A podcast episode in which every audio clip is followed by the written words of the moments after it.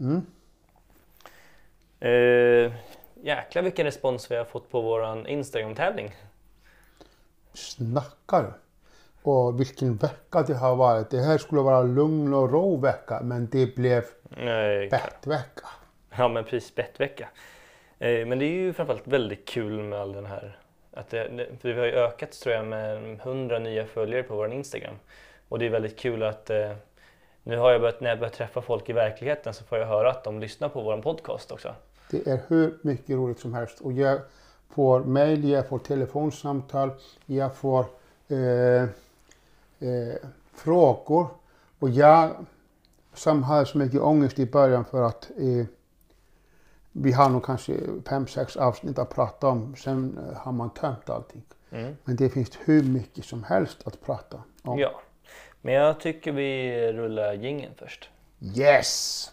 Ég sem hestin, þú sérðum nakkin Við skulum hleypa á skeið Ég sem hestin, þú sérðum nakkin Við skulum fara í útreðrið Hej och välkommen till eh, podcasten Riddari.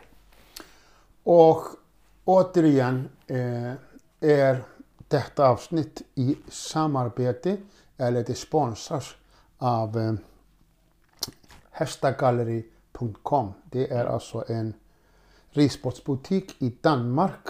Eh, men den är internationell. Eh, det är nätshop och det är en isländsk man som är både ryttare, uppfödare eh, och har hållit på med hästar. Dessutom är han rolig. Eh. Det är han som sponsrar oss. Ja. Eh, och eh, jag fick eh, eh, ett telefonsamtal, jättebra telefonsamtal och eh, som sa vad va, va snabbt det går bra för er. Ni har redan börjat få sponsorer. Men tanken bakom detta här, de här hästföretag eller, eh, som eh, eh, vill samarbeta eller sponsra med oss, de ger saker och ting som vi vill att ni lyssnare ska få. ja. Eh, Vi är inte till att tjäna pengar på den här podden. Nej, nej, nej. Eh, Vi är till att informera, prata, diskutera och sådana sponsringar det är någonting som ni kära lyssnare ska få till godo av. Bara så ni vet. Ja, och eh, framförallt det är ju så otroligt kul att ge. Och eh, vi får tacka Luther väldigt mycket för det här. Ja, vi har fortfarande eh, Det, tävlingen pågår, när vi spelar in så pågår tävlingen fortfarande. Men när det här avsnittet släpps så, har, så kommer vi också kontakta de som har vunnit. ja, Och det är i liksom, som ni vet så skulle man skicka in en motivering till varför man ska vinna just vallspett. Och när jag läser här, alla era motiveringar så det är otroligt kul att läsa och man hör ju lite era livshistorier och, och sånt där så det är väldigt kul. Men, jag, men man ser också lite grann här, jag tänker just bara allmänt prata om bett. Och hur tänker du Haffi när det gäller bett? ja, vet du, eh, min eh, bettprocess. Eh, Du jag, har ju hur mycket bett som helst Jag har i din källare. 98 bett har jag, eh, som jag har samlat sedan eh, året 1970 tror jag. Och hur många av de betten använder du? Eh, Som står framme och är färdigtränsade att sätta på? ja, det är inte många. Nej. Det är tre vanliga bett. Men sen har jag också fyra stycken stångbett. Mm. Det är, eh, eh, eh, och mina huvudlag som jag använder, Mm. eh, de är alla, inte alla, men många av dem är äldre än du. Eh, de är välvårdade och, och eh, jag köpte dem på precis början av 90-talet. Mm. Men betten, eh, när jag började att rida, då fanns typ eh, två typer av bett och, eh, på Island. Sedan kanske strax efter 1980 då började man att komma med många olika bett. Stångbett fanns innan för det stångbett har funnits länge. Isländska stångbettet eh, har funnits jätte, jättelänge. Och det har funnits lite olika varianter på dem där också. Ja, och de har blivit tillverkade i, i hand, de har blivit tillverkade i, i, i fabriker i England. Eh, och det finns väldigt bra historia bakom den. Jag kan den nog inte, men vi får nog fråga Stina Helmersson om detta här någon gång framöver. För, för att eh, Stina kan historien bakom när de här stångbetten kom till Island och, och, och eh, den här hävstångseffekten. När, när brukar du använda stångbett? Isländskt stångbett då? Vet du, eh, det gör jag på känslan. När jag känner att jag vill eh, eh, eh, att jag ska prova det. Mm. Jag gör det också när jag får den här kickbekräftelsen av våran ridlärare. När han säger det är okej. Eh, då gör jag det. Eh, jag bollar gärna med Anna Panna. Hon är jättebra att, att bolla med när hon kommer och ger oss utskällning. Ja, ja, ja. Då eh, känner jag här kan jag prova att använda stång. Jag varierar det. Eh, men eh, med stång gör jag nästan ingenting. Eh, jag fick lära mig av en klok man som tyvärr är död som heter Reiner Avarstensson den äldre. En av de här mästarna. Mm. Eh, när jag använder stångbett eh, då är hästen så gott som klar med bettet. Han förstår bettet. Han tycker och ger efter. Det blir sådana som grädde på muset, alltså, som man säger. Moset. Moset. Tack André. Du har en invandrare pappa. Ja. eh, och eh, så eh, jag använder stång ofta, Mm. men jag varierar ofta. Mm. Sedan har jag de här olika betten, vi kan prata om på 80-talet, då kom de här betten som var tredelade med koppar in i mitten. Mm. Och eh, på åren 88, 86 till 2000 då kom kanske mellan 30-40 stycken eh, bett eh, på marknaden eh, som hade kopparen i mitten eller mässingbett och kopparen i mitten. Mm. Eh, det kom med små bågar, med större bågar, som så kallad tungfrihet. Mm. Eh, och, eh, och jag kallar det fix och tricks-perioden. Mm. Eh, för att i slutändan då hamnar man på de här gamla betten som var redan uppfunnen för flera hundra år sedan. Ja. Innan stångbettet kom, eh, eh, eh, innan, innan de här vanliga betten kom på marknaden på Island, vi pratar om jag tror att vi pratar om slutet av 60-talet. Då åker en kvinna eh, från Island eh, som hade, tror jag, någon tysk anknytning. Hon åker till Tyskland och går på en ridlärarutbildning, alltså en vanlig tysk ridskola och tog, tog något eh, eh, examination. Och då på 60-talet då tar hon eh, eh, nya kunskaper ifrån Europa till Island. Hon startade sommarridskola för barn och eh, började skriva i tidningar och ett nytt kapitel, ett nytt eh, kapitel i, i ridhistorien på Island började för att då var det modernt med vanliga bett och nosgrimma. Eh, då började det bli inne. Man visste inte riktigt hur man skulle rida det för att då eh, var man inte så noggrann med överlinjen som man gör idag. Då red man mera fram och ut. Men den kvinnan hon eh, skolade väldigt många barn och ungdomar. Och flesta av dem eh, eh, toppryttarna idag började sin karriär hos henne. Vi kan också nämna att hon har varit duktig som uppfödare Och vi kan också nämna att hon har två söner som är båda bosatta i Sverige och är verksamma hästmänniskor. Både bröderna eh, Þorleifur och Sigfús Sigfússon. Ja, just det. Det är deras mamma. Mm. Så eh, hästkunskapen får de därifrån.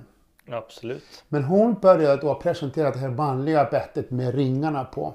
Mm. Och, och eh, sedan upp i 70-talet då startades Tränarförbundet och eh, mer och mer ridlära började eh, att formas eh, på Island och isländska ryttare började ta kontakt eh, med ryttare i Europa. Mm. Och kom ihåg, i Sverige på den tiden, då fanns det inte mycket islandshästar, men det fanns som idag väl etablerad ridskola, ridskola, examination, hur ska det vara? Det fanns den här så kallade svenska metoden Mm. eh, som man lärde sig, som alla barn har lärt sig på en vanlig ridskola. Mm. Detta här fanns inte på Island. Det fanns ingen ridskola. Det var bara att kliva på och rida iväg och hoppas att man satt kvar. Mm. Eh, och, och, Men Så kan det, är det än idag för mig kan jag säga. ja. eh, men, men ehm, och när det här vanliga bettet kom, eh, då fick det, eh, det fick motstånd. Eh, för att eftersom många kunde inte hantera det, då var många hästar som slängde huvudet och nosen upp i huvudet och överlinjen blev helt fel. Man kan kalla det för fla, en, flagg, en flaggstopp. En, man kan kalla det för en flaggstopp eller en flaggstopp topp liksom. Som en eh, stolp, halsen blir, eh, blir en stolpe och sen är huvudet en flagga. Vet du. Typ, ja exakt. Så kan det vara. Eh, man sa det på Island, det regnar in i näsan. Och det var äldre människor som var vana vid att rida vid stångbett och var väldigt duktiga. Och stångbett, hävstångseffekten gjorde det att eh, stångbettet skapades troligen för att man visste i Europa gick hästarna i något sätt form. Mm. Men om man kunde göra det också med ett vanligt bett på ett annat sätt, det visste man inte då. Nu vet man det. Mm. Nu finns det väldigt duktiga ryttare som använder både vanligt bett och stångbett och vice versa. Mm, Men jag tänker lite grann om man har till exempel en häst som har tendens att lyfta upp huvudet, bli stark kan ju bli också. Hur, och man, eh, om man bara känner att bettet liksom inte riktigt funkar. Hur, hur går du tillväga då? Ja, då nu kommer jag och, och, och nu kommer det bli ramaskrik om jag säger det här. Vet du. Men eh, då förmodligen finns spänna i hästen. Mm. Han vill fly ifrån bettet. Han accepterar inte bettet. Och, Men det är inte bettet. Det är ryttarens hand. Ja. Ryttarens sits. Så jag börjar nu med en sån häst och jag har provat många såna hästar. Jag tar dem bara in i lilla volten och stänger av den så har jag bara en vanlig grimma och, och, och så börjar jag bara att eh, eh, kontakta honom fötterna och börja flytta på fötterna och, och, och, och få honom att stå, kla, eh, eh, koppla av. Sedan sätter jag bett i munnen så börjar jag jobba från marken och acceptera därifrån. Mm. Sedan kan jag leka ifrån marken och lära honom att trycka på bettet, acceptera det. Mm. Sedan kan jag gå att rida honom ifrån marken så jag går bredvid hästen och ber honom att stanna och lyssna på rösten och stanna och lite bett. Mm. Eh, bett spelar, jag, eh, jag tror att jag bryr mig minst om bettet för att jag tror att det är eh, mina händer, det är sättet hur hästen är förberedd eh, som gör det här hela. Jag kan ju säga från, från mitt perspektiv när jag jobbade på Island och man hade hästar i inridning så kunde vi sätta på, då satte vi egentligen på vilket jävla bett som helst. Inte stång kanske men bara tvådelar, tredelat, vanliga ringar. Mm. Inga konstigheter. Men vi började alltid lära om longeringen och vi använde mycket repgrimma. Lärde dem signalerna från repgrimman från olika knutor, men när man har de olika knutarna. Och sen när vi började, sen satte vi bett och repgrimman och så drog vi tog vi tyglarna i, och igenom bättringen och i tyglarna så man tog aldrig direkt i bättringen. Ja. Och i och med det så lärde sig hästen redan i inridningsfasen de små signalerna från bettet. Ja. Och eh, jag kan säga varje, varje gång jag får hem en ny häst till mig eller ska börja lära känna den så börjar jag alltid göra från det hållet. ja. Det är alltså repgrimman och bättringen. Ja, precis. Att, Ja. jag tar, att jag tar tygen igenom, att jag tar tygen igenom Mm. i repgrimman. Och då är det väldigt viktigt att hästen har lärt sig grunden med repgrimman också. Ja. Och, och, sen, helt- och sen helt plötsligt en dag när jag väljer att sätta i i vanliga bettet så är hästen otroligt känslig för Mm. bettet. ja. Och ibland, går jag, ibland får jag till mig, mitt, om jag känner att hästen är väldigt tung i handen så går jag kanske tillbaka dit och sen läser och lär mig liksom bara, nu, går, nu får vi göra om det här på nytt. Mm. För oftast är det en misskommunikation. Om jag känner att hästen börjar ta i bettet för mig så märker jag okej, nu måste vi göra om det här. För det, här är det har blivit en misskommunikation mellan oss här. Hur det ska faktiskt gå till. Ja. Eh, och eh, eh, detta här eh, eh, lärde du hos din mastro på norra Island. Ja, precis. Och det, är liksom, och det är någonstans där det, det sitter alltid kvar men jag går alltid tillbaka dit när jag ska lära känna en ny Ja. häst. Det är ju smart för då, eh, då får du den här lilla kontakten. Då får du egentligen, då, du kollar om hästen kan det. Ja, precis. Och om man- Och, mycket, och mycket hamnar då, och jag inser rätt mycket att mycket sitter i min sits också. Hur mina skänklar Vad häftigt André. Det, det, det, ja. Men det var så jag fick lära mig i alla fall. Ja,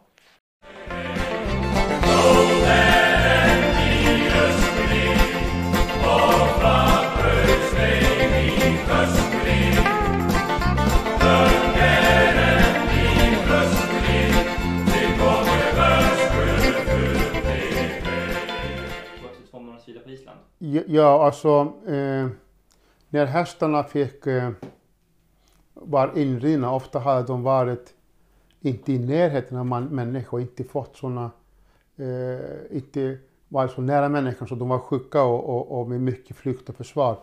Eh, då gav man sig god tid till att förbereda eh, inredningen.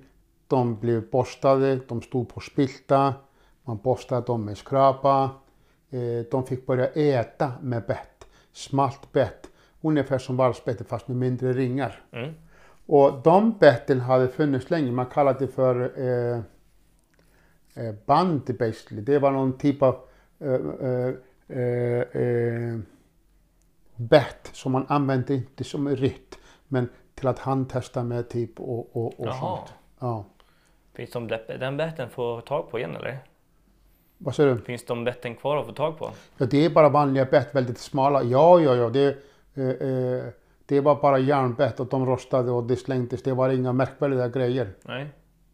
Eh, men eh, eh, det var någon grossist som importerade detta ifrån Storbritannien för att eh, mycket kom därifrån. För att de har mycket, eh, mycket industri vad gäller bett, eh, sadlar, eh, läder och, och, och tillbehör till, till Ja, Till men som italienarna är ju också och fransmännen är också rätt framgångsrika Ja. med de där grejerna. Eh, fast eh, eh, eh, ja, så är det. Eh, så, så, eh, men varför använder man bett? Jo, man, som Reiner sa, du använder bett till att förenkla kontakten mellan dig och hästen så du kan lättare eh, hjälpa hästen att förstå hjälperna. Som att göra halt och halvhalt. Mm. Men du lär dig med kroppen väldigt mycket och eh, eh, nästan allting. Så bettet är bara de här små signalerna som kommer. Och jag personligen har lagt så mycket fokus på att, att få till det här med sitsen, rösten och, och, och ljudet. Eh, så att jag har inte fokuserat mig på, på eh, bett så mycket eh, märke eller kvalitet. Eh, och jag, eh, eh, jag kan inte säga att eh, det finns väldigt många bett som är dyra, svindyra. De ska ha någonting särskilt i, i, i, i sin tillverkning som ska vara bra och det är kanske bevisat, vad vet jag. Men, men jag har alltid sett... Ryttaren, ryttarens hand är det viktigaste. Ja, sits och hand, det är absolut det viktigaste. Mm. Jag kommer ihåg jag pratade med han eh, en gång, Denny Högson. Och han nämnde en väldigt bra sak för mig. Att han hade ju provat, han håller, han håller ju på med bett och sånt där. Ja, Och han nämnde ju för mig att, han pratade om det där, han hade ju testat ett visst bete men det här tyckte han passade väldigt bra med den här hästen. Så hoppade hans fru upp och skulle rida samma häst med samma bett men det gick inte alls bra där. Så bett kan ju också vara väldigt mycket en ekipagefråga också. mm. Att eh, vad som passar din hand med just din häst. ja. Jag, jag eh, eh, Och jag märker själv, jag har ju ett gäng, jag har en tre bett hemma som jag tycker funkar väldigt bra för mig och mina hästar. Som har funkat bra och det, det står jag fast med. Bland annat Vallasbettet. Ja. Eh, jag provade ett bett i höstas som jag grävde fram i, i lådan. Och, och det bettet köpte jag 1977. Mm. Eh, och eh, en av våra hästar störst gillade det. Eh, och så, eh, ja. Jag har egentligen ingen svar på bett annat än att eh, det är det sista som gör att det är lättare att, att eh, kommunicera med hästen. Mm. Men grunderna som du säger, att man lär sig att stanna med sätet, rösten, eh, går igenom ordentligt vilken utbildning hästen behöver. Eh, för att betten kommer, bettet är aldrig någon bromskloss eller, eller nödbroms eller någonting som man ska hålla sig i. Aldrig i livet. Nej. Så det är väl lite det man, man får tänka på att det sitter inte i betten alltid men det sitter väldigt mycket i ryttarens hand. Ja, Oavsett vad man har än för problem med hästen. och nu kan jag, så annan sak, nu kommer jag bli lite elak. Får man det i den här podden? Ja, det är våran podd så du får säga vad du vill. Ja, och det är att eh, eh, jag har... Eh, det är nog bra att vara lite noggrann här. Mm. Eh, eh, att lära sig att rida, det är inte lätt. Men Nej. det är väldigt roligt. Och man hamnar ofta på eh, misstag. Mm. Eh, och misstaget är väldigt ofta på hästens bekostnad. Mm. Men det är ingen människa, tror jag, som gör det med flit. Nej. Sedan har hästen förmågan att förlåta blixtsnabbt när vi gör fel. Mm. Och det är någonting som vi människan skulle behöva ha den egenskapen att kunna förlåta snabbt. Men eh, eh, om vi gör fel med bettet och hästen börjar hänga sig på, då behöver man titta på sin egen ridning. Du pratar om en häst som är vrålspänd och ligger på. Ja, det kan vara framtung också och lat. Ja, eh, då är det inte lösning att byta bett. Man ska alltid se över sin ridning. Ja. Sedan har jag sett tillfällen som människor har eh, eh, alltså de är så mycket djurvänner, de vill inte använda bett. Nej. De rider bettlöst. Mm. Och det är helt okej.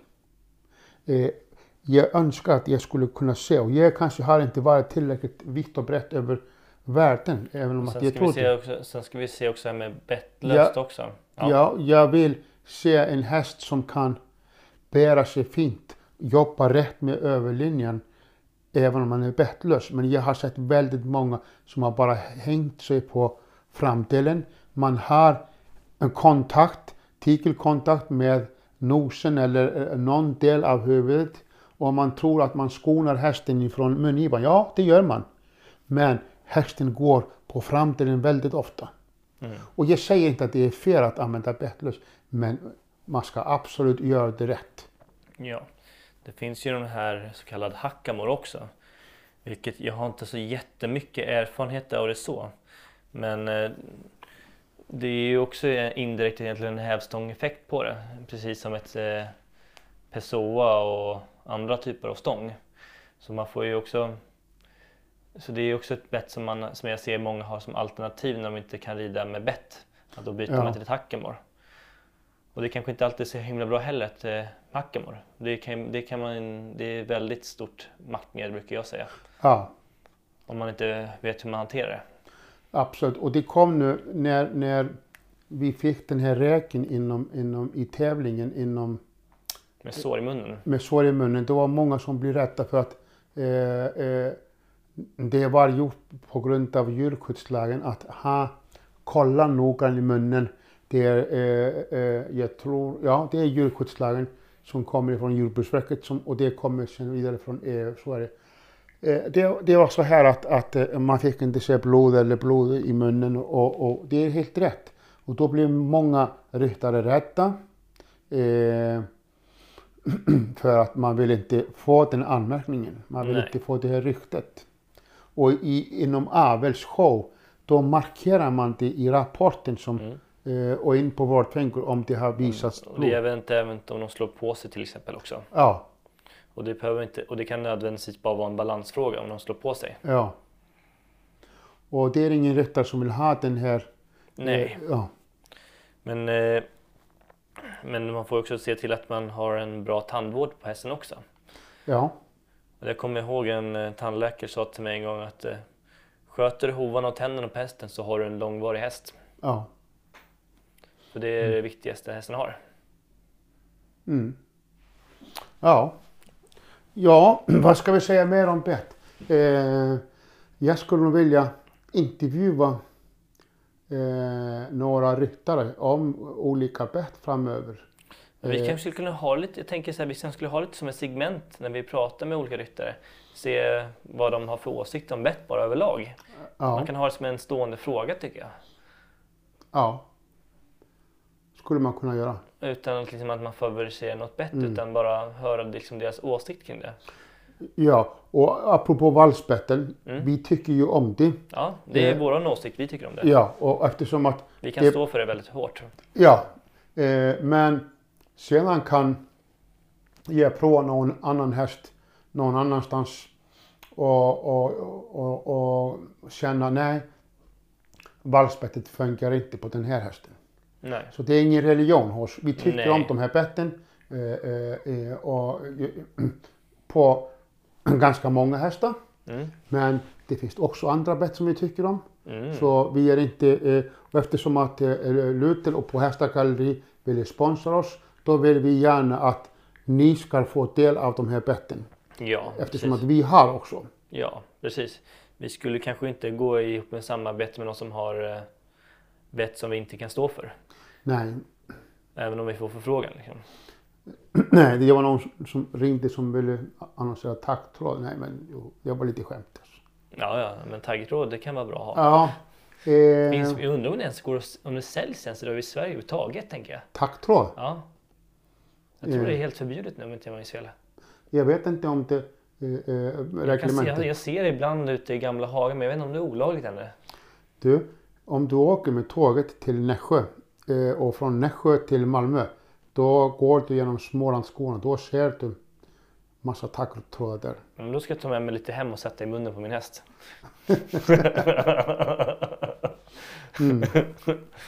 Ja, Jag hoppas ni förstår vår ironi här. ja. Men eh, vi kan också berätta när jag var barn och jag fick samla får. Eh, då hade jag balsnöre Ja, och red med balsnöre och så flätade balsnöre hela vägen från munnen. mm. För det fanns inte bett på gården. men balsnören kan väl bli ganska vass tycker jag. Mycket vasst. Eh, och jag fick tillsägelse om att sitta still i, i, på hästen Mm. och, och vara med stillsam hand. Och jag vill bara påpeka också, jag hade ingen sadel heller. Nej. Men sedan hände det var tredje söndag, då red vi i kyrkan. Då fick man lite bättre bett och, och, och lite finare kläder och sånt. Mm. Din far är gammal du. Ja, ja, men precis, precis. Nej, men jag satt och tänkte kom på det också förut när man hade det problemet att hästarna slog över tungan över bettet. Vi hade ju, det finns ju alla möjliga varianter. Jag tror det kallas för saxbett, det där som viks upp som ett V. Jag kommer inte ihåg exakt vad det heter. Ja. Och även olika typer av tungfrihet med lite grövre. Men sen kommer jag ihåg även att det här var nog väldigt, väldigt länge sedan vi gjorde det. Men jag tror vi kommer ihåg att vi band tungan en gång på någon häst. Och det skulle vi ju aldrig göra idag.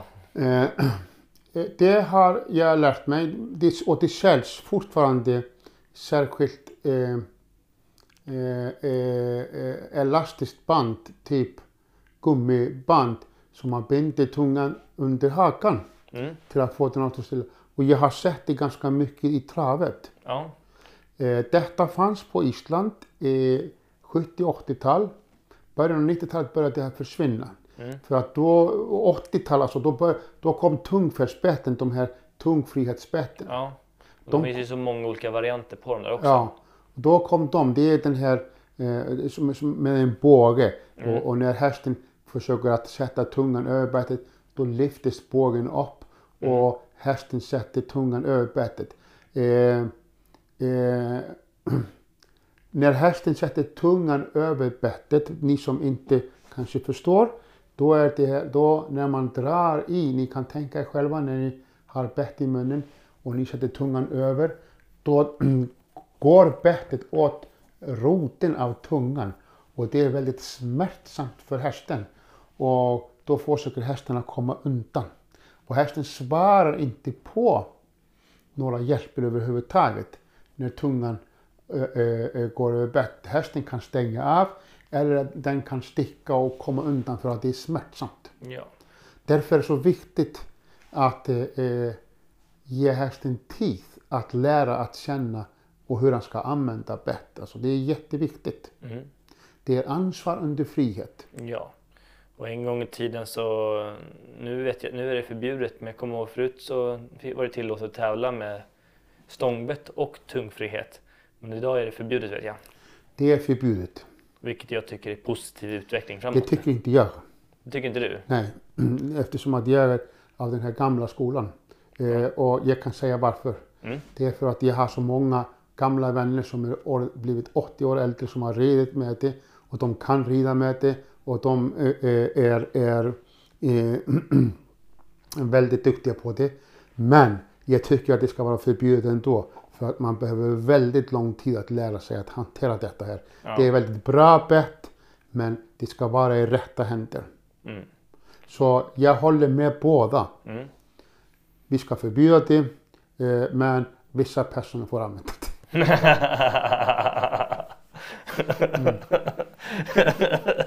Eh, och det går heta diskussioner fortfarande om detta här på, i mitt hemland. ja. Men någonstans så är det ganska skönt att veta att de betten jag har vet jag att mina hästar tycker om. Mm. Så är det. Men du, jag tänkte jag ska ut, jag ska ut och tävla första och andra maj. Ja, Men jag, ska, jag är så jävla taggad ska jag säga. du är väldigt, väldigt taggad. Ja, Eh, och, eh, men jag lider också av en sån otrolig prestationsångest ska ni veta. och vet ni, nästa avsnitt då ska vi prata om tävling, prestationsångest eh, Ja. Och, och sånt. Ja men precis, och då är precis innan jag ska in och starta så då får vi sen i om tre avsnitt då höra också, eller näst, nästa avsnitt höra hur det har gått också. Ja, ja. I vilka grenar ska du tävla? Eh, jag, ska jag har anmält mig till eh, Tölt T1 och 4 gånger V1 Ja, och det är uppe på Romme. ja. Så det ska bli väldigt spännande det här. Då får du träffa Jökull och Ivar också. Jajamän, det får jag. Ja, jag kollade startlistan också. Det är väldigt roliga, trevliga människor som ska dit också. Så jag förhoppningsvis så träffar jag andra. ja. Eh, hur är det med det? Ska man tävla med mask nu? Ansett, alltså, Men det har, jag, det har jag inte hört någonting om. nej. Men eh, just de där grenarna jag tävlar i, då rider jag själv på banan också. Så jag, jag håller nog ett ganska bra avstånd också, både från domarna och funktionärerna. Ja. Nu vet inte jag, eh, men idag då såg jag en ett ekipage som övade hoppning. Mhm. Och eh, det var två ekipage Mm. på en bana eh, lite norr om Uppsala. Och det var säkert, eh, nu kan inte jag så mycket om hoppning, men det såg ut att vara väldigt professionella ryttare. Mm. Men de hade på sig sådana mask, eh, ansiktsmask. På sig själva eller på hästarna? Och på, eh, på eh, står någonting som heter Fager. Är det inte någon slags betttillverkare? Jo, men det är Fager bett. Jag har något sånt bett hemma också. Som Ja, jag, okej. det, men det nu kan jag inte så mycket om dem men de Nej. har gjort lite alla möjliga bett. Även ett som är vet jag, i titan. Ja, Och titan är ju ett, eh, ett stål som är väldigt eh, slitstarkt. vi kanske blir så här att vi ska prova oss fler bett nu och, och, och, och känna in och, och få lära oss vad de är bra på. Men då måste vi skaffa fler hästar att rida på också om vi ska gå igenom så mycket bett. Ja, det har du rätt Det i. är ganska, det blir en ganska orättvis bedömning om vi bara provar på en häst. Ja. Så jag tror någonstans att eh, bett, man får hitta kanske ett som passar hästen. Men man skulle kunna ta ett bett och så skulle man kunna eh, skicka det runt och, och säga vad folk tycker. Ja. Det kan man göra. Det är kanske inte så tokig idé. Men då får vi också se också i aspekt med smittskydd också. Man får vara väldigt noga med att desinficera bett när det åker mellan stallar. För just nu är det rätt mycket smittor. Nu har det, gå, det har kommit någon, eh, eh, den heter abortvirus eh, Ja, och den neurologiska varianten. Vilket innebär mycket mer än att, de, än att ston bara kastar fölet utan det hästar blir väldigt, väldigt dåliga. ja, Så just den här, man får tänka väldigt mycket på det, att man när man säljer ett eller skickar iväg ett begagnat bett eller annan utrustning.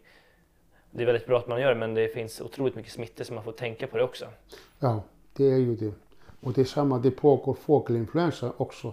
Ja, Eh, Eftersom att jag eh, är uppfödare av en väldigt fin hönsras. Mm. Eh, då får man inte ha hönsen ute och man får inte skicka ägg hur som helst. Alltså. nej. Ska vi kanske starta en hönspodd också? Nej, det ska jag ha för mig själv. Det har du för dig själv. Mm. Ja, du får inte ha någon hönspodd med mig i alla fall. Ja. Eh, men hörru du. Eh, eh, jag känner att det finns väldigt många fler frågor om bett. Mm. Och jag vill att ni, kära lyssnare, skickar in frågor eh, allmänt om... Eh, eh, vi har inte provat alla bett som finns. Men eh, man kanske, sk- folk kanske behöver mer kunskap om bett. Ja, Eh, eh, och, och vi kanske skulle ta in några experter kring med bett också. ja, Skicka gärna förslag om ni vet någon som ni tycker är bra, som kan ta med. ja, all kunskap är bra. Desto fler, och det finns så många experter där ute, duktiga hästmänniskor med bra erfarenhet och, och, och det behöver inte vara kändisar överhuvudtaget. Det kan, alltså, vi har mängder med fina, härliga, duktiga hästmänniskor som har eh, eh, erfarenhet, kunskap och kompetens. Ja, men jag tänkte lite så här, om man ska göra lite, om man känner fan min häst han går inte bra på bettet. Vi kan väl göra lite en allmän checklista man kan göra tänker jag. Tänker jag, ett, kolla munnen med tandläkaren. Ja, Jag tror att vi måste poängtera att det är en ganska viktig del att man kollar munnen i hästen. mm. Det var, jag kommer ihåg min Toliver sa en gång till mig att eh, mycket av såren som man får i munnen beror ofta väldigt många gånger på eftersatt tandvård också. ja. Så det är en ganska viktig del att man kollar på det. Jag pratade med Garda Gislason, stor uppfödare, kändisuppfödare, hästman, inridare. Eh, han är så noggrann på att eh, innan hästarna ska börja ridas, eh, tandkontroll på en gång. Alltså. Ja. Absolut. Absolut. Jo, men vi har eh, eh, eh, använt tandvård här på den här. Ja, och vi har ju också, du har ju själv en munstege så vi, har ju, vi är ju väldigt insatta själv hur det Ja. ser ut i tänderna på våra hästar. Innan Och- sådana avancerad tandläkarrapport eh, kom till, då visste man vad man behövde göra och jag lärde mig att raspa tänder med en veterinär på Island under Mm. längre tid. Och eh, då öppnade man en munsteg och kollade om det fanns någonting. Ja, Och det kan vi se på en gång här. ja, och en gång i tiden så ingick tandvård i hovslagsutbildningen också. Det, så var det. I, Sver- i Sverige vet jag. Ja, Eh, inte på min tid ska jag dock säga. nej. Men jag tycker ju ständer är ju något så otroligt intressant. Ja, hörru du, eh, är vi klara? Ja, jag tycker att vi kan väl avrunda här. Ja, och kom ihåg nästa avsnitt, då ska vi prata om tävling, tävlingsångest Hur man ska undvika tävlingsångest. Ja, då Eh. kommer ni prata med, höra en Anders som är mitt i tävlingsångesten också dessutom. Ja. Och, och eh, ja, det blir spännande. Det blir jättespännande. Eh, tölta lugnt så hörs vi i nästa avsnitt. Ja, hej då! Hej!